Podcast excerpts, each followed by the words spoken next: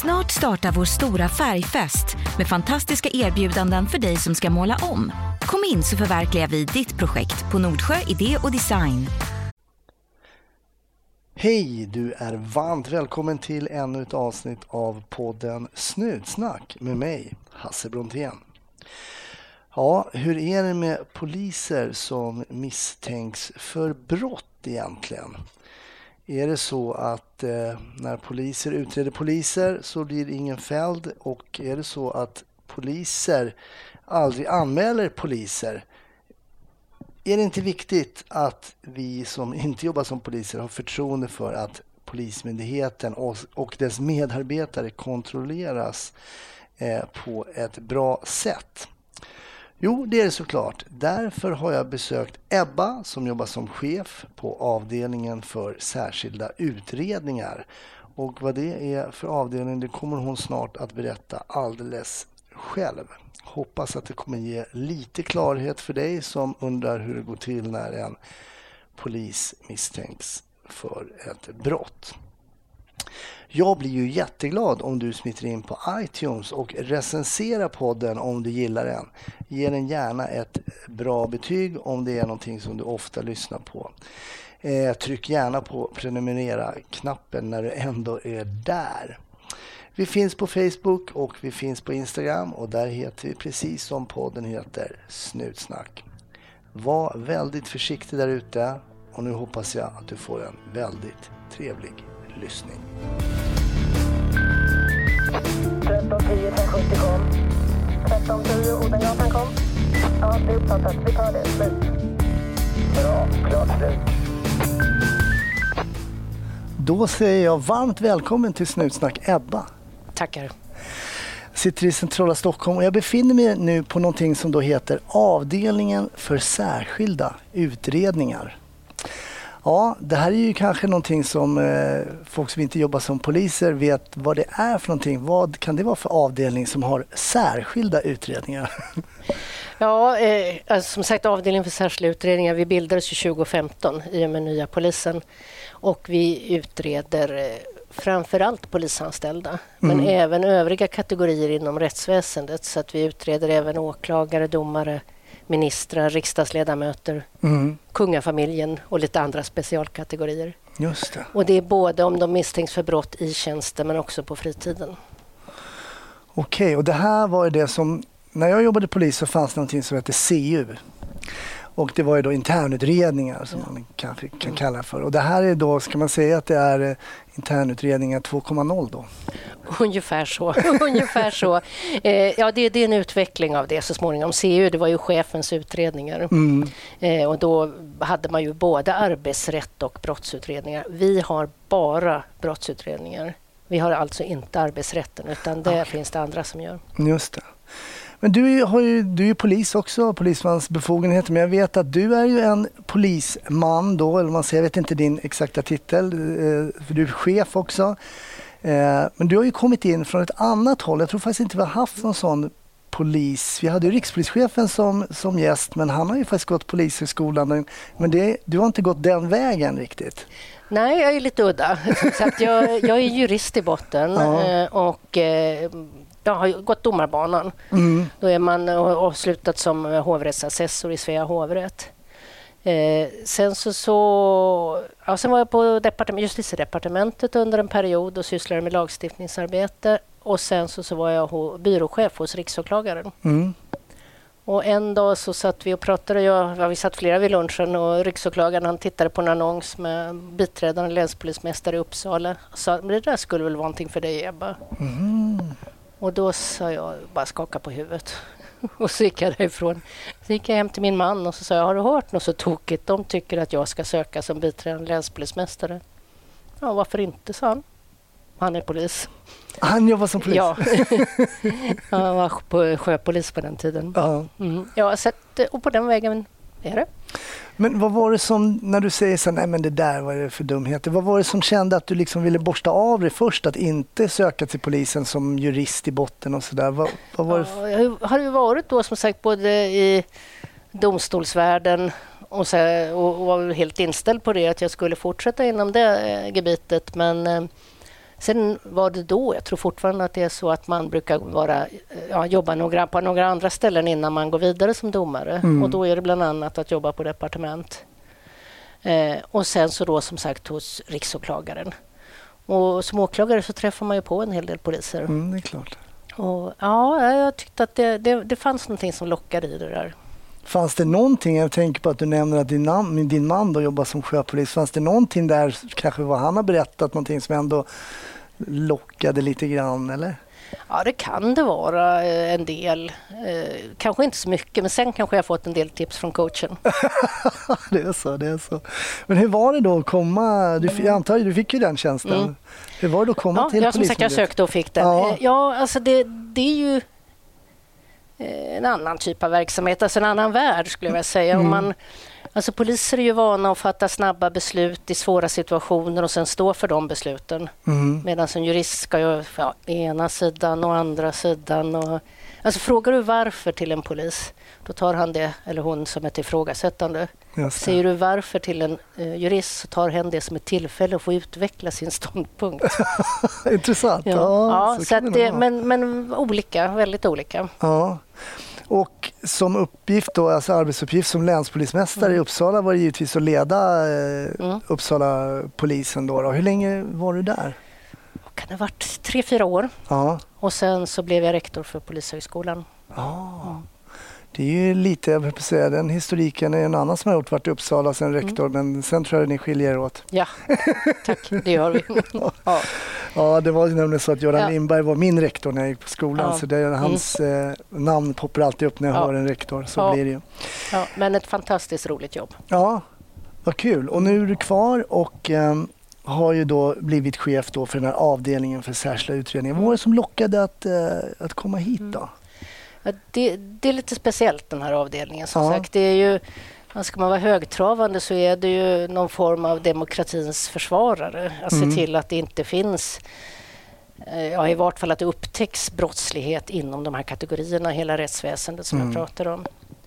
Eh, sen är det ju också så att eh, den här verksamheten, det här är ju en oberoende avdelning. Mm. Eh, jag vet att man i samband med att man diskuterar om det här skulle vara en egen myndighet eller om det skulle vara eh, inom polisen. Man diskuterar då kvalitet kontra oberoende och det finns ju skäl för både och mm, naturligtvis. Mm, mm. men, men, då diskuterar man just det att eh, tidigare så var ju alla länspolismästarna utsedda av regeringen. Mm. Men som en del i oberoende för den här avdelningen så utses avdelningschefen, det vill säga jag, fortfarande av regeringen. Annars är det ju bara rikspolischefen och chefen för mm. nationella operativa avdelningen som utses av regeringen. Jag förstår. Ja. Och då diskuterar man just det att man skulle ha möjlighet att utse en, eh, någon med domarerfarenhet till den här posten. Ah. Eh, och då tänkte jag att jag är ju perfekt. jag är som klippt och skuren. Jag har både erfarenhet från polisen, åklageriet och från domarbanan. Ah. Så att, eh, ja. Jag sökte och fick den. Och fick den också. Mm. Det är intressant det här med... Du nämner att man diskuterade innan om det kanske skulle bli en egen myndighet mm. och om man tänker på det snacket som går och man hörde det här att poliser ska absolut inte utreda poliser för då vill de, de vill ju inte att kollegorna ska åka dit. Eh, poliser har en sån stark kåranda, de anmäler aldrig varandra för några brott överhuvudtaget. Därför så är de kvar, rötäggen och så vidare och så vidare. För mig som för detta polis, nu var det några år sedan jag jobbade som polis, det skulle vara en ynnest att få sitta och avskeda eh, konstaplar som betedde sig kriminellt. Eh, jag och en kollega diskuterade om vi skulle söka då CU för att vi tänkte det vore ju perfekt att få bort några av de här riktiga. Men hur är det här då, eh, den här klassen? För det är ju poliser som utreder poliser. Mm. För dina ja. medarbetare här mm. är ju utredare som eh, ja, poliser. poliser. Ja. Eh, så är det. Och, och, bara en sak, vi avskedar ju inte någon. Nej, såklart. Eh, det, vi, vi utreder, men det kan ju leda ja. till, fälls man så kan det naturligtvis såklart, leda till men jag tänker man... att det ditt arbete. Ja, eller, ja. Det men men det, det, där diskussionen kommer ju upp och har varit från och till genom åren. Och då är det just man diskuterar kvalitet kontra oberoende. Mm. Och när man då menar att det skulle bli bättre kvalitet för att även de som har fristående myndigheter, det ser väldigt olika ut i olika länder. Mm. Men även där så anställer man ju poliser, eller före detta poliser. För det är ju poliser som är erfarnast och mest kompetenta när det gäller utredning av brott. Ja. Och vi, jag brukar säga det att vi måste ju vara minst lika duktiga som de vi ska ja, utreda. Just det. Så att vi, vi har ju mycket kompetenta eh, utredare här kan jag säga. Vi har väldigt stort söktryck faktiskt. Ja, det är så? Är väl, ja, det är många som söker hit så att vi kan välja och vraka. Och det skulle ju på något sätt motbevisa det här då att polis egentligen inte vill eh, utreda ja, då? Ja, kanske, kanske. Men, men också det att, att vi diskuterar väldigt mycket etik och moral. Och jag, jag tror att vi är gynnade av just det här att vi eh, separerar arbetsrätten. För det är, mång, det, alltså det, det, är ju ingen polis som vill jobba med en kollega som är brottsling. Nej. Däremot så kanske man tycker det är lite tufft ibland om man har glömt ett vapen att man ska få ja, löneavdrag och sådär. Men, men däremot så, eller det kanske är en varning snarast för det, men, men däremot att eh, så upplever inte jag det att man skulle... Så, det beror på vilken typ av brott det är mm. naturligtvis också. Mm. Men, men eftersom vi har ett väldigt brett spann av brott som vi utreder. Men, men jag tror det. Vi fick ju till och med... Vi hade seminarium för mediafolk och det var ju till och med Oisin Cantwell som sa det att ja, men det visar poliser kan utreda poliser. Ja. Och för er som inte vet vem Oisin Cantwell är så är han ju kriminalreporter på Aftonbladet. Mm, just det. Mm. Hur kriminella är svenska poliser då? inte särskilt kriminell om vi ser procentuellt. Mm. Alltså det är klart att de flesta ärenden här, även om vi utreder olika grupper, så är de flesta poliser mm. som vi utreder. Dels därför att det är flest poliser. Det är mycket fler än de andra kategorierna. Mm. Eh, men också så att poliser har ju rapporteringsskyldighet. Mm. Om det inom någon annan verksamhet upptäcks eller man misstänker brott då kan man, eller någon oegentlighet, då kanske man utreder det och reder upp det själva. Mm. Hos oss inom polisen så måste man ju anmäla det. Mm. Så att, eh, nej, inte särskilt brottsliga vad vi vet ska jag säga. Nej, precis. Det måste ju inkomma någon form av mm. anmälan först. Och det måste ju komma till polisens kännedom. Ja, att det fast liksom... numera så har vi faktiskt en underrättelseenhet också. Ja, det är så? Och det tror jag är oerhört viktigt. Mm. Och det är mm. inte så många andra eh, ja, internutredningsverksamheter som har, utan vi, vi har en underrättelseverksamhet. Och där kommer ju de brott som inte anmäls. Jag menar, ett om någon läcker information till en brottsling så är det ju ingen... Vem skulle anmäla det? Nej, nej precis ja. Utan då får vi tips. Så då finns det folk som spanar som kan man säga också kring misstänkt brottslighet eh, gällande poliser och... Ja, vi har, vi har också en spaningsenhet ska jag säga. Det är inte underrättelseenhet. De jobbar både i underrättelser och i eh, den så fysisk spaning också? Men det, det, fick vi först för ungefär för knappt år sedan. Okej. Okay. Intressant. Ja, väldigt intressant. Det finns mm. mycket att säga om dem. De har, I flera fall nu så har... Hade, inte, hade vi inte haft dem så hade vi inte kommit alls lika långt. Med vissa ärenden då? Ja. Alltså vi har ju haft tips som vi inte har kunnat jobba vidare på. Det, det, vi har naturligtvis fått hjälp av Polismyndigheten förut. Mm. Eh, men det finns vissa problem med det. Mm. Dels så kanske ett narkotikabrott som är viktigt för oss eh, och sen så ska jag komma och säga att jag vill ha spaning på det och sen konkurrerar jag med sju gängmord mm. så blir det lite tufft men sen framför allt för integritetens skull. Mm. Vi, vi ser till att hålla det här hos oss. För att det blir ju väldigt lätt om vi ber om hjälp någonstans att det sprids i mm. någon ja, misstag eller annat. Mm. vi generellt sett håller vi våra ärenden väldigt tajt. För, så att, eh, mm. för ibland så när det gäller underrättelse så kan det ju lika mycket vara att fria som att fälla. Jag tänker spontant som gammal spanare också att det kanske också är tufft att spana på mm. på poliser som kanske själva varit spanare och sådär. Att man kanske måste vara extra försiktig sådär. Men det är klart, det finns problem i alla yrken. Ja. Men vad, om vi säger att poliser generellt nu, som du säger, vi vet inte hur mycket som upptäcks. Vad är det för brottslighet som ni har på er avdelning som framförallt poliser begår då, som, ni, som kommer upp mm. på era utredares bord här? Eh, den stora massan är tjänstefel, mm. vilket är, kan innebära väldigt mycket olika saker. Eh, ibland så är det nästan ett samlingsbegrepp när man inte vet vad man ska skriva. Men vi har också tystnadspliktsbrott, dataintrång, mm. narkotikabrott, eh, stölder på jobbet. Mm. Eh, det är i tjänsten. Sen på fritiden så har vi ju, där är väl poliser kanske som folk är mest. Det är ja, det. Rattfylleri, våld i nära relation, mm. försäkringsbedrägeri. Så hela registret mm. egentligen? Ja. Det som är, jag jobbade som lärare på Polishögskolan och eh, vi hade också etik. Man pratar om ehm, anmälningsskyldigheten som du nämnde precis, att om en polis ser ett brott så är man, mm.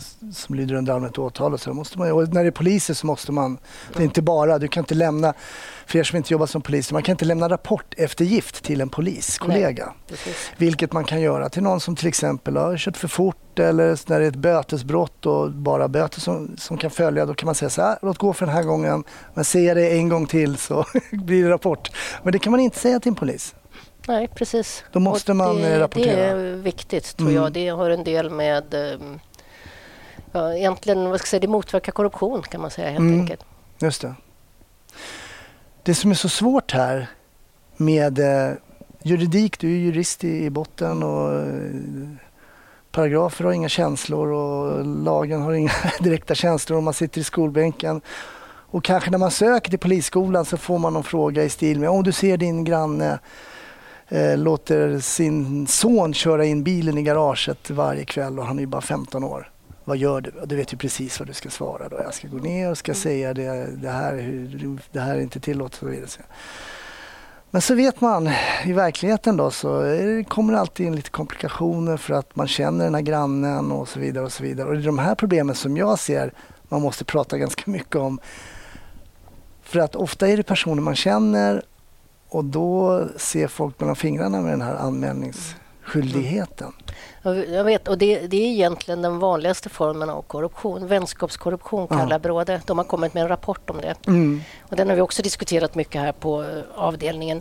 För att vi kanske har varit relativt förskonade i Sverige, i vart fall hittills, från den här mera... Eh, alltså det man tänker på korruption. Jag kommer att betala dig för att du ska göra någonting. Mm. Men däremot just det här att det är någon granne, det är någon som ja, som man känner och så kanske man är snäll första gången och sen andra gången så kanske de säger men du har aldrig sagt det här förut Nej. och då kanske jag gjorde du fel då då. Då kanske jag anmäler dig för det om du säger någonting nu. Mm. Och kanske är det lättast att säga till direkt så att man har gjort. Mm. Jag tänker på, jag jobbade eh, under en tid på Säpo där man hade en väldigt intressant utbildning hur um, man driver hur underrättelseofficerare driver sina agenter till exempel där man ger, man säger så här, är du också från uh, den här staden? Då får du en sån här tjock bok av mig som berättar och redan där är man liksom i ett mm. vänskapsband mm. som gör att man binds till varandra omedvetet. Mm. Och nästa gång kan du slå en slagning på en bil. Det är ju öppna register i Sverige och till slut så är man innästlad i någonting. Och där tror jag man måste öva på att för att bara kunna säga de rätta sakerna på skolan och så här, man måste ställas inför uh, Mm. Får in en del anmälningar typ om att man har bjudits på kaffe eller att man har fått en pizza och sådär mm. mot att man kommer förbi där och tittar till så att det inte är stökigt och sådär. Eh, ibland, någon gång har det blivit, gått över till att bli brott men oftast så blir det ju inte det utan att det blir, vi, vi, när vi får in en anmälan så går det ju alltid till åklagare. Så det är mm. inte, vi kan aldrig lägga ner någonting. Utan det. det. går alltid till åklagare som avgör om det ska eh, utredas vidare. Eh, om det då inte ska utredas vidare då överlämnar vi alltid det här till arbetsgivaren eh, via något som heter GSD, Gruppen för skiljande och disciplinärenden. Okay. Och de tittar på det ur ett arbetsgivarperspektiv, det vill säga ska det bli någon arbetsrättslig påföljd eller ska man ha ett samtal med vederbörande eller är det helt enkelt eh, metoderna som är felaktiga mm. eller ska man göra någonting annat? Vi hade till exempel någon som hade uttryckt sig olämpligt om en kvinnlig kollega på eh, ja, på sociala medier och det var inte liksom, nådde inte nivån eh, att det var brottsligt, Nej. men det var olämpligt. Ja. Och då slutade det med att chefen för den gruppen fick i uppgift att hålla utbildning för dem. Mm. Så att det finns mycket annat. Det är inte säkert att det slutar hos oss. Nej, jag förstår. Så inga polisiära förundersökningsledare utan alltid åklagare? Alltid. Alltid åklagare. För det man ser dyker upp i media eh, och sånt, det är ju nu senast så är det ju batong i anus, mm. eh, har ju varit den stora grejen och då så eh, folk som inte gillar poliser så är det ju direkt att poliser våldtar sina omhändertagna och sådana saker. Och eh, den här bilden också av, av poliserna som man också i dagens läge för över från alla andra länder idag, till exempel från USA, vilket jag tycker inte är rättvist eftersom vi faktiskt har en och det är ju inte bara för att jag själv har jobbat som polis utan det är fakta. Vi har en välutbildad polis om man tittar i, runt om i världen så har vi en väldigt välutbildad poliskår. Um, men just de här jämförelserna eh, blir lite, det blir väldiga förenklingar. Eh, så, så är det ju. Och just det där du nämner med batongen, där hade vi, där har vi utrett väldigt mycket och vi har haft mycket förhör och vi har haft tekniska undersökningar och liknande. Men åklagaren har alltså kommit fram till att det var inte avsiktligt. Nej. Och för någon som läser en kvällstidning när man använder vissa ord, man säger att en polis då förde in eller liksom, mm. det är inte så att jag kan tänka mig, jag vet inte ens det ärendet, men att den kanske inte slank in just att man siktade där utan eh, det kan hända så konstiga saker. Om man har jobbat som polis några år så vet man att... Och som jag säger, hastiga och våldsamma situationer så eh, mm. det, det, är inte alltid helt lätt. Mm. Så, så, är det ju naturligtvis. Men, men vår uppgift är ju, och det som uppmärksammas är ju också, ska jag säga, det är ju ofta när det har varit någon form av våld. Det är ju, det är ju mm. inte, inte den stora delen av våra ärenden. Nej. Även om det är det. det är för, skjutningar är naturligtvis ja, allvarliga och sen även påståenden, olika former av övervåld. Mm. Eh, men, vi har ju till exempel det eh, vi, har ju nu en ärendesamordning här eh, som är unik skulle jag vilja säga. Alla ärenden kommer in hit. De samlar på sig allting som behövs alltså från HR, alltså händelserapporter från utredningar och allting. Allting som åklagaren behöver som underlag för att fatta beslut om det ska inledas en förundersökning eller inte. Och Det här innebär att när de då lämnar över det, det är mycket kunniga och kompetenta kommissarier som sitter där. Mm. Och det visar ju forskning inom andra områden att har man hög kompetens i början så blir ärendet bättre handlagt. Mm. Eh, men, men, i det här fallet då så skickar man över till åklagarna och eh, då kan ju de eh, besluta på en gång och då tar det cirka en vecka och sen är det avgjort. Mm. Och ska det då inte utredas så, så skickar man det till den här GSD-gruppen för skiljande disciplinärenden mm. som kan fortsätta att hantera det på annat sätt. Just. Förr kunde det här ta ett halvår fast alla visste att det inte skulle bli någonting. Och egentligen kanske det var ett bemötande problem eller någonting ja, som man behöver prata. Och då hade ju alla glömt det efter ett halvår. Men nu får de tillbaka det eh, efter ungefär eh, en vecka. Och dessutom om det inte ska utredas alltså. Nej, såklart. Men, men dessutom så är den åklagare, eller de åklagare som jobbar med det här skriver väldigt bra motiveringar. Mm. Förut kunde det ju vara någon som, en anmälan kunde se ut som att ja, polisen tog tag i mig och tvingade mig att flytta mig fast jag inte ville. Det här liksom vill jag anmäla som misshandel. Mm. Och nu skriver den här åklagaren att polisen har rätt att beordra en person att gå från platsen. Gör personen inte det så har polisen rätt att använda visst våld. Polisen synes inte ha anmält mer våld än nödvändigt. Just det. Förut ringde de här alltid till oss, nu ringer de inte längre. Ah, när okay. de får det. Så bättre motiveringar helt enkelt? Ja, bättre motiveringar. Men, men det här gör också det att majoriteten av ärendena avgörs som jag sa inom en vecka. Men eh, övriga ärenden, det är bara de som ska utredas som går ut på utredningsenheter. Och i och med det så har vi inga balanser fast vi inte har blivit fler på utredningssidan. Mm. Utan vi kan starta våra utredningar omedelbart. Okay. Sen kan ju de ta tid naturligtvis. Ja, men, såklart. Ja. Jag blev anmäld ganska, som ganska nybliven och mm. ung polis. Då. Jag var ju, när jag var färdig var jag 23 år och sånt där. Och jobbade här på Norrmalm som då låg inte alls långt från där vi sitter nu. Och då blev vi anmälda, jag och min kollega, för att vi hade stulit pengar från en omhändertagen en, en berusad person. Vi hade givetvis inte tagit de här pengarna men vi tyckte det var ganska obehagligt att vi skulle åka upp och bli förhörda av en kommissarie då. Mm. Och den här känslan av då liksom att, men vadå, är jag misstänkt? Jag som polis, är jag misstänkt för att ha stulit mm. pengar? Det var lite obehagligt att komma upp och sätta sig där ändå och så skulle man ha med sig någon och det, var, det blev en mm. ganska stor grej kommer jag ihåg. Eh, vad tror du om den liksom, känslan hos den enskilde liksom, att komma upp till den här avdelningen som ändå är väldigt speciell? Ja. Eh, jag, jag, tror att den fortfarande finns kvar. Vi försöker i och för sig informera väldigt mycket. Vi är ute i olika sammanhang och även på skolan och, så där, och informerar om vår verksamhet så man ska veta att, att vi, vi så att säga, det blir en bra, grundlig utredning i de här fallen. Mm. Och vi håller hårt på rättssäkerheten för polisen men vi är också väldigt angelägna om att utreda saker och ting i botten. Och just när du säger såna stölder, alltså vi, vi har ju en hel del anmälningar om stölder. Mm. En kategori är ju de där som bli omhändertagna för ja, företrädesvis enligt då, lagen om berusade, eh, LOB. Och har glömt helt enkelt att de ju egentligen gjorde av med alla pengarna på krogen innan. Mm.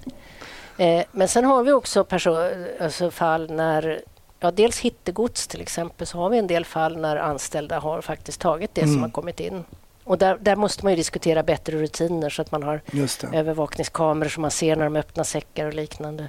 Man Men räknar sen, pengar, att man är fler än en. Ja, precis. Men sen, och, och likadant där, vi, vi har fall när vi eh, Alltså när man blivit avvisiterad och, och, och det, det, är nog så att personen hade pengar med sig och sen har, finns de pengarna inte kvar men vi vet inte vem som har tagit dem för det har varit flera inblandade på olika sätt.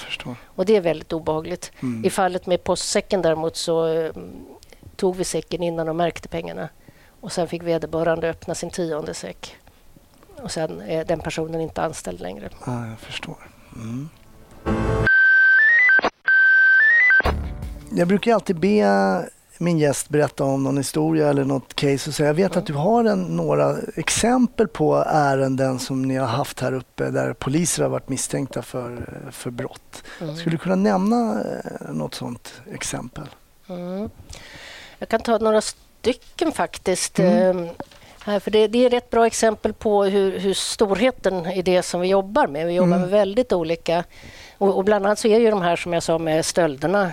Det, det andra som vi har så är det ju övervåld. Mm. Eh, nu var det ju nyligen en polis som gömdes för, eh, dömdes för att han hade sparkat en intagen som låg bojad på golvet. Mm. Och där, där var det socialtjänsten faktiskt som anmälde för de stod utanför och tittade på och det var en ungdom som var omhändertagen. Okay. Och uppförde sig väldigt illa förstås. Mm.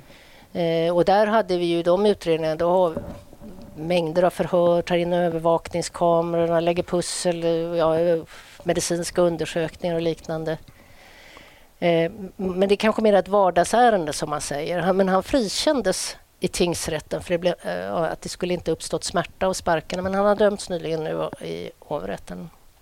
Och jobbar inte som polis längre eller? Eh, Alltså det, han är ju fortfarande anställd ja. men eftersom hovrätten... Alltså de, när domstolen ska uh, döma ett mål så tar de alltid in en uppgift från arbetsgivaren. Kommer han att få behålla jobbet om han blir dömd eller inte? Och nej, döms han för misshandel skulle han inte få behålla jobbet. Nej, jag förstår. Men sen har vi om vi pratar stora ärenden så har vi ju Norrbackagatan där den här unge Erik mm. som hade Downs syndrom blev skjuten. Mm. Väldigt tragiskt. Och det, där var vi ju engagerade en stor del av oss på avdelningen. Jag förstår. Ja. Så det, där var... Eh, och oerhört uppmärksammat ja, i media. Ja, oerhört och, ja och, och, där kan jag säga egentligen så var det faktum att han hade Downs syndrom var egentligen inte en fråga för oss. För det hade ju inte med saken att göra. Dels hade poliserna inte sett det. Nej. Men även om de hade sett det. Nu var Erik en, en vänlig själ. Mm. Men det finns de med Downs syndrom som kanske inte är lika snälla. Så att egentligen så var det inte en, en fråga. Nej, precis. Men det var ju väldigt mycket mm. just och Mm. På sociala medier var det så, men att gå runt och skjuta mm. människor med Downs syndrom går bra. Men det handlade ju faktiskt inte Nej. om det. Nej, alltså de, de var rädda för sitt liv. Mm. Och det fanns andra människor runt omkring som också hade varit väldigt rädda för den här personen eh, som hade sett fel, fel. Men man hade sett en person med vapen och de som ringer in de är oerhört rädda. Eh, och sen, men sen var det en massa olika omständigheter på olika sätt mm. där. Nej, det är givetvis en oerhört tragisk eh, för alla inblandade, mm. framförallt mm. för Erik och hans familj. Ja, ja, självklart. Men också tror jag, eh, om man tittar på, på poliserna, att det här är någonting de säkert skulle ha ogjort givetvis. Ja. Och det var några av dem som var väldigt nya i tjänst. Mm. Så att, nej, det, det var fruktansvärt för dem. Men, men de var rädda för sina liv. Och det var så det var så det dömdes också. Yeah. Att de, mm. Det ja. var en nödvärnssituation. Ja, ja. Det var mycket överväganden innan man gick upp med det. För egentligen nödvärn, då skulle man verkligen eh, åtala eller inte. Men eh, det fanns skäl för det och det var bra, tror jag, att det kom upp i domstol så att mm. alla fick se alla utredningsåtgärder som hade gjorts och vad som faktiskt hade hänt. Mm. Så att det inte bara blev en nedläggning.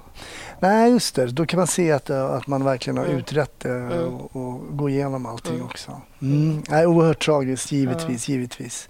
Och även om det här fallet, jag tror att många som kan tänka steget längre kan faktiskt på något sätt förstå att det kan gå så här illa mm. vid något enstaka tillfälle. För det är inte vanligt att svenska poliser skjuter ihjäl helt oskyldiga människor. Det är extremt ovanligt faktiskt. Um, men vissa eh, menar på att det är så här går till hela tiden, men så är det faktiskt inte.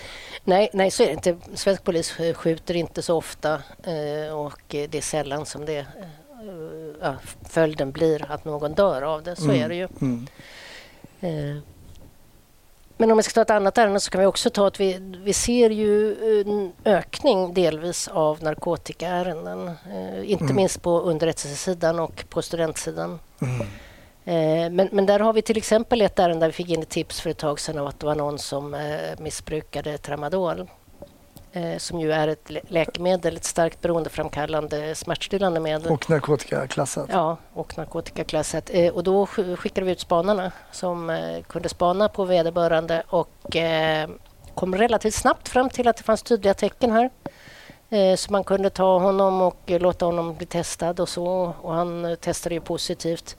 Och eh, han erkände på en gång mm. och han var egentligen tacksam. Han, alltså han har eh, fått en tidigare skada mm. och hade fått tramadol utskrivet. Och sen när han, läkarna tyckte det var dags att trappa ner så tyckte han inte det. Mm. Så att vi körde honom direkt till beroendekliniken från det att vi hade tagit honom. Men, men det, där är, det, det faran med det där är ju dels att man missbrukar, mm. vilket är ett elände på ja. Vilket yrke som ja, helst. Mm. Men också, ja, och framförallt inom polisen då när mm. vi både kör mycket bil och eh, har vapen. Mm. Men också att när, om du börjar att involvera dig i såna här kretsar, alltså du öppnar ju för utpressning mm. på alla sätt. Just det.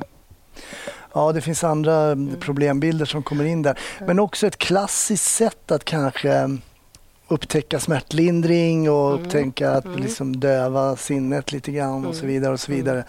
Vilket man ju kan se inte bara hos poliser, så att säga, att man börjar på det här mm. sättet. Ja, I USA har man ju stora problem med det här. Men du säger att man har sett en ökning av narkotikaärenden just bland poliser och polisstudenter också. Ja, framförallt kanske på underrättelsesidan. på underrättelsesidan. där, vi, där vi tidigare inte hade möjlighet att gå vidare med det men där vi nu har, i flera fall har kunnat gå vidare och sen gått på tydliga tecken och fått det bekräftat. Just det. För er som lyssnar, inte så många får jag också heller säga, bara, men, men, det är en ökning. Och för er som lyssnar som inte jobbar som poliser, så när man pratar om tydliga tecken, då, när man kan uppvisa tydliga tecken som, som visar att man är påverkad av någon form av narkotika, så då har man rätt att medta den här personen för blod eller urinprov. Mm. För att styrka det här. Fast det är ett Jo, det, kan, det finns faktiskt eh, fängelse i straffskalan. Det är därför mm. man kan göra ja. de här frihetsberövande ja. åtgärderna. Mm. Även om väldigt få får... Det är väl ingen som har fått fängelse för ett bruk? Nej, så är det ju inte. Det, du ska ju göra mer än så. Ja, eh, narkotikabrott givetvis allvarligt, precis som mm. du säger, när man kör fordon och helikoptrar och allt vad som finns inom polisen. Mm. Och framförallt vapen också. Vad kan det vara mer då? Och mera udda så har vi ju eh, sexuella trakasserier och mm. eh, påstådda våldtäkter. Mm. Vi har en ökning, vilket jag eh, tycker är förvånande att man som polis utsätter sig för. Alltså man eh, bestämmer träff via sociala medier, Tinder och liknande, åker hem och har våldsamt sex mm. och kanske inte riktigt försäkrar sig om att kvinnan är med på det. Det. Eller i vart fall att hon inte ska ångra sig senare. Mm. Och där öppnar man sig också för utpressning, särskilt om man har ett fast annat förhållande. Mm, just det, just det, just det. Det är också en ny våldtäktslagstiftning som ja. är relativt ny ja. också. Vi, vi, var ju en polisstudent som nu förra veckan dömdes för oaktsam våldtäkt. Det var så? Ja. Mm. Och det finns ju också en, ett befäl i Örebro som eh, eh, åtalades för oaktsam våldtäkt. Han blev frikänd men det är överklagat till hovrätten. Okay. Han dömdes i och för sig för narkotikabrott och lite andra saker så att han jobbar inte kvar som polis längre. Men... Men det är väl så, det är väl, man säger att polisen också ska vara ett tvärsnitt av vårt samhälle och då är klart, ja. då är ett x antal procent mm. också kriminella eller eh, mm. eh, missbrukare eller som vi ser överallt ändå. Vem har varit Sveriges mest kriminella polis då? Vet vi det? vet jag inte. Jag tror att det var före min tid med mm. möjligen han som eh, rånar en bank och sen deltog själv i jakten på bankrånaren. Det tror jag. Det var uppe i Jag kommer inte ihåg norrut någonstans. Ja, det är intressant att jag har faktiskt eh, pratat med den polisen som var ute och letade tillsammans mm. med den misstänkte. Ja. Och, så det är ett avsnitt av Snutsnack. Ja. det nej, är ju... mest kriminell annars vet jag nog inte. Nej, men det är ju nästan som på film alltså, att en polis rånar en bank och sen hjälper till att leta efter rånaren. Ibland går det inte att slå verkligheten när det kommer till mm. eh, kriminalitet. Men att ha en avdelning som saknar balans, alltså det, också för er som inte har hört ordet balans, det är att ni har inte ärenden som ligger på stora högar som ni måste försöka jobba undan hela tiden utan ni är öppna för att ta in eh, ärenden då direkt så att säga. Ni har folk direkt som kan ta tag i det. Mm. Du nämnde en vecka, åklagaren säger att det här Det är ju av vikt när det kommer till all typ egentligen av brottsutredning att det är snabba handläggningstider. Ja. När jag säger en vecka då är det alltså de här som inte ska utredas. Exakt, men eh, ändå det är ett ja, besked ja, liksom, som är nog så viktigt. Mm. Och det skulle ju vara, tänk om någon också säger det du är misstänkt för, det lägger vi ner efter en vecka. Det skulle vara skönt att kunna mm. slippa gå runt i ett år och vara orolig för det. Mm. Mm. Så är det ju. Ja. Blir du kvar på den här avdelningen nu då? Det blir jag. Jag har fått förnyat förordnande till årsskiftet. Ja. Eh, jag har ju fyraårsförordnanden som andra inom myndigheten. Mm. Eh, så att ja, jag blir kvar. Hur mycket följer man ehm, eh, diskussionerna i, i media och när du läser? Det måste ju vara så att ärenden som ni har handlagt här eh, nogsamt liksom, så kommer det ju i media, kanske ibland man tänker är det är det samma ärende? Ja, eller? ja, men så är det ju. I, i den Norrbackagatan, där kommer jag ihåg jag läste där det stod att se bilderna från polisens rekonstruktion. Och så tänkte jag, herregud, har vi lämnat ut bilderna? Men det var ju Expressen som filmade när vi hade rekonstruktionen. Ah, det. Så det var de bilderna. Men jo, nej, men vi har ett väldigt stort mediaintresse. Mm. Här. Vi, vi sitter och sekretessprövar dagarna ända, skulle jag vilja säga. Det, väldigt mycket som vi lämna, måste lämna ut och pröva om vi ska lämna ut och så. Eh, men jag tycker att eh, det blir bättre och bättre när det gäller medias rapportering om oss. Vi, vi, har ju som sagt varit ute och haft seminarier för media och mm. vi har information för våra presstalesmän och liknande så att man säger rätt saker. Mm. Eh, så att, nej, jag tycker att det är rätt bra rapportering faktiskt. Mm. Men, men mycket, men högt tryck just där när det kommer till sekretessen, jag tror faktiskt att det var en artikel av just nämnde Oisin Cantwell där det var, han skulle läsa den här förundersökningen tror jag och det var ju bara svarta mm. streck överallt och ja. gick knappt att komma fram. Vad är det ni när ni då sekretess eh, kör de här, vad är det ni stryker över då? Vad är det som inte de får läsa så att säga? Ja, dels är det ju om det är förundersökningssekretess, om det är ett pågående ärende, då lämnar vi sällan ut någonting, skulle mm. jag vilja påstå. Men även när det lagts ner så kan det ju finnas en möjlighet att vi tror att det kanske skulle kunna komma att återupptas om vi bara får in mer uppgifter eller någonting sånt. Mm. Och då kan man ju också sekretessbelägga större delar. Men i annat fall så är det med hänsyn till enskilda. Alltså det vill säga sekretess till skydd för enskilda. Mm. Och då stryker vi ju alla namn och allting och vet man namnet så kanske man måste stryka mer. Mm. Så att vi, vi, just i det där fallet har jag inte sett hur mycket man strukit. Jag så, läste också det där. Ja, jag vet inte heller själv. Ja. Jag bara läste att han hade problem ja. att tyda meningarna för att mm, det var så mycket mm, mm. Svart, Vi kan ju liksom. både när det gäller forskare och eh, i, i viss mån andra också säga att man kan få titta på det under förutsättning att man inte eh, avslöjar och går vidare med det om mm. det är mm. någon som ska granska våra ärenden. Mm. Men det går inte med journalister för man kan inte säga till journalister att de inte får skriva Nej, om det, det de läser. Nej, men däremot så har vi ju stor insyn i vår verksamhet via både regionpolisråd och insynsråd som alltså är utsedda av regeringen för att granska alltså ha insyn i polisens verksamhet. Och de har en särskild uppgift att ha insyn i vår verksamhet. Mm. Så att eh, de, dels så är, är, vi, jag eller någon av mina chefer med på alla regionpolisråd och insynsråd. Och, sen, eh, och det finns ju ett regionpolisråd i varje region. Mm. Och så finns det här centrala insynsrådet som jag är med i eller som jag de, ja, deltar och föredrar i. Eh, sen är det också så att de mellan varje möte kommer hit till oss och besöker oss och tittar på ärenden som är nedlagda och ser att jag får gå igenom dem och få reda på om vi, så att de kan titta på och garantera att vi inte, ja, i största möjliga utsträckning i varje fall, garantera att vi, in, att vi har skött oss som vi ska. Mm. Så att, eh, jag brukar rekommendera om det är någon journalist som säger, liksom, har någon kritik att ja, men ring då till er representanter i insynsrådet så kan du få se deras syn på det också. Ringer journalisterna ofta hit också till er? Ja, relativt ofta. Ja. Är ni också tränade i vad man ska svara? Ja. ja, jag förstår det. Jag försökte rannsaka mig själv när jag cyklade hit. Mm. Liksom, om jag har gjort någonting som jag skulle få kunna bli straffad för som polis. Mm. Och så kom jag faktiskt på att jag stoppade en bil vid ett tillfälle som körde lite snabbt upp på Kungsgatan, tror jag. Och då, jag var ung i uniform på Norrmalm och det visade sig vara en av de här coola spanarna på eh, Norrmalm som mm. hade bråttom till jobbet. Då. Mm. Och eh, alltså jag bara, ja men åk till jobbet då. Så, jag, så fick han åka vidare. Mm. Så det, mm. det har vi en sån vänskapskorruptionsgrej. Nu kommer inte jag ihåg om, vad han hade, om det var att han hade begått något brott egentligen. Men han körde i alla fall lite för fort. Mm. Det var därför vi stannade honom sådär. Men då var det så oj, oj, oj, är det du då? Tjena, tjena, hej, hej. Och det finns ju det här också, man ser upp till de här äldre kollegorna och det är kanske någon som då, han var en av de här som jag nämnde lite citat coola spanare och dit kanske man ville komma någon dag. Då kanske det inte skulle varit till fördel om jag hade rapporterat. Jag kommer inte ihåg mm. riktigt, jag bara tänker högt hur, vad jag kanske, hur jag resonerade och det, det är det här som jag tror man måste gå igenom innan. Mm. Ja, men alltså man måste verkligen fundera på det och, och testa situationer och tänka vad, vad, är alternativet om, om det blir mm. så här. Hur kan det gå längre? Men eh, alltså, generellt sett så har det ju blivit mycket bättre, mm. tror jag. Man, mm. man, det fanns nog mer att man inte anmälde mot nu. Och, eh, ja, vi fick ju in en sån här metoo-redovisning. Mm. Man lämnade in det till oss för det skulle kunna vara brott. Eh, och det var från 80-talet och framåt.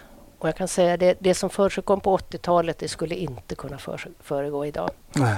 Det skulle bli anmält direkt ja. av alla runt omkring. Ja, det kom exempel då, eller anmälningar? Ja, alltså man, man, gjorde ju en sammanställning och sen gjorde man den eh, anonymiserade man den mm, och så lämnade man in den hit. Mm. Så att vi åklagare har prövat alla de anmälningarna som kom okay. in hit och det var säkert 250 stycken, men ingen ledde någon vart. Dels därför majoriteten var ju preskriberat Just det. mot vad det påstod. Men vi kunde ju inte utreda det eftersom det var anonymiserat. Just det, så vi hade ute och begär, vi, vi, lyckades till slut hitta ett ärende som vi, vi förstod vem det var. Och det var på grund av att vi hade haft det här redan. Mm. Och det var avskrivet. Men okay. i övrigt så vi efterlyste berättelser och de som ville gå fram men, men eh, vi fick ingenting, så de la, vi, la, ner, la åklagaren ner här. Mm. Men däremot så har det nog inneburit att det är fler som anmäler nu, skulle jag vilja påstå. Det är fler som anmäler sånt här och det, det är inte accepterat. Och det är även kollegor som ser, ja men jag såg att han gjorde så där mot henne eller mot honom och så anmäler man det. Så att, eh, det där är inte accepterat nu. Nej. Jag tänker på det, eh, ett, du nämnde ett exempel om den här ungdomen som en polis sparkade mm. på. Mm. Ett problem måste ju vara era ärenden. Jag menar, poliser har ju eh, Dels har de ju rätten att använda våld men de har också skyldigheten att använda våld eh, vid vissa tillfällen och då är det ju också väldigt, väldigt svårt kan jag tänka mig rent juridiskt. Hur mycket eh, juridik man än har läst. Var går gränsen mellan ett våld som är lagligt till ett våld som då är olagligt? Ja, vi har jättemycket diskussioner om det här med åklagarna. Ja. Eh, framförallt om i samband med skjutningar. Mm. För det, det, är ju så att om, någon, om du nu skjuter någon på stan, då vet vi att du är misstänkt för brott. Mm. Men är det en polis som skjuter någon så vet vi inte om den person, polisen kan misstänkas för brott. Och vad ska vi då höra personen som? Antingen så, jag kan inte höra någon som misstänkt eftersom han inte är misstänkt än. Nej. Men om man hör honom som annan, då kan, som det brukar heta, eller som vittne vittne, då kanske man inte iakttar det enligt Europakonventionen om rätt till försvar och allt sånt där. Så I så fall måste man avbryta omedelbart om de säger något fel. Mm. Så vi, vi har mycket diskussion om det. Så nu försöker vi göra så att vi tar reda på så mycket som möjligt runt omkring. Vi hör alla poliser som varit med på platsen. Vi tar in massa andra saker och sen ser man finns det anledning att misstänka att det här inte var befogat. Mm. Och då kan det, det har, vi har haft fall där vi alltså lagt ner ärendet utan att ens höra den polis som sköt. Jaha. Det var ju väldigt intressant. Det har jag aldrig tänkt på. Man kan inte höra någon som misstänkt för brott mm. om man ens vet att det kanske inte ens finns ett brott. Nej. Nej, det, det, är väldigt klurigt. Ja, det är ju mm. juridisk hårklyveri mm. där. Mm. Alltså, det är svårt. Ja. ja. ja.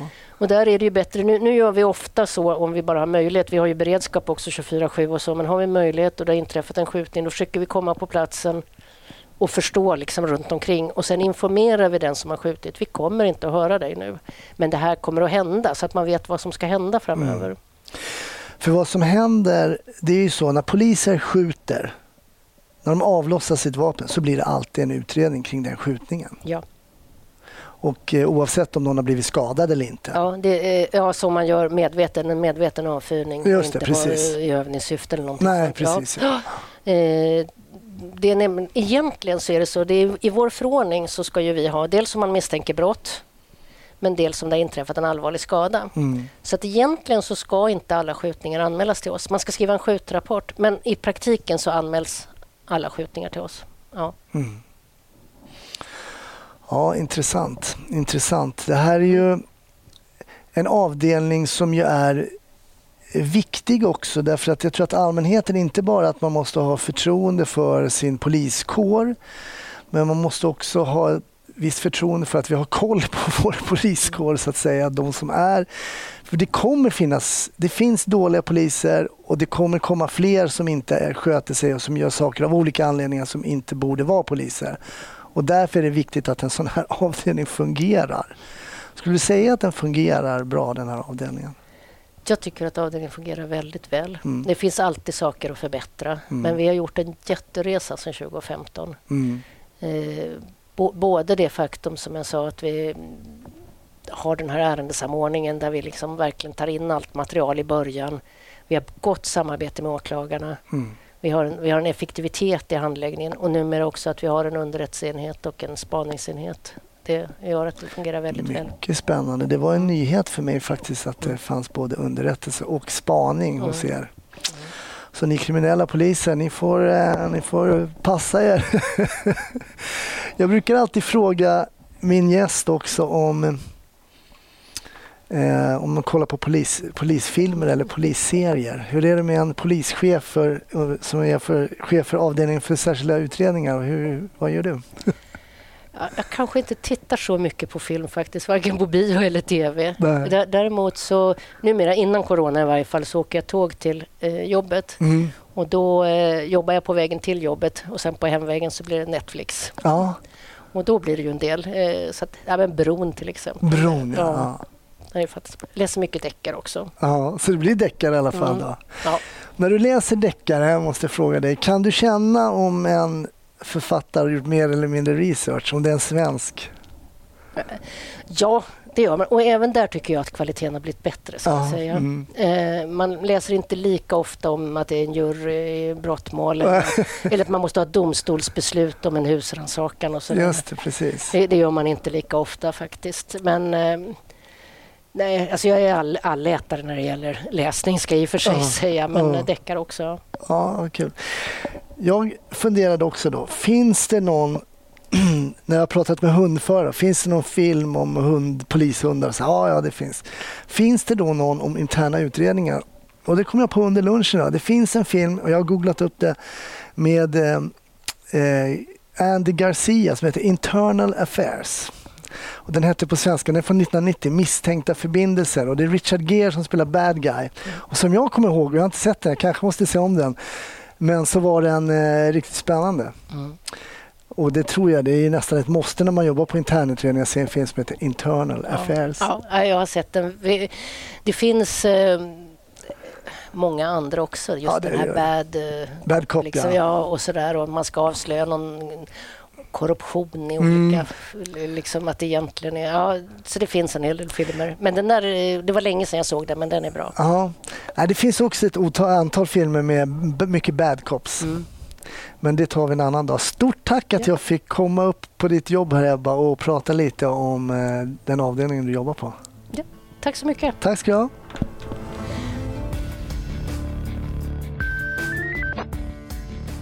Ja, det var det här avsnittet av Snutsnack, men nästa vecka är det dags för ett nytt.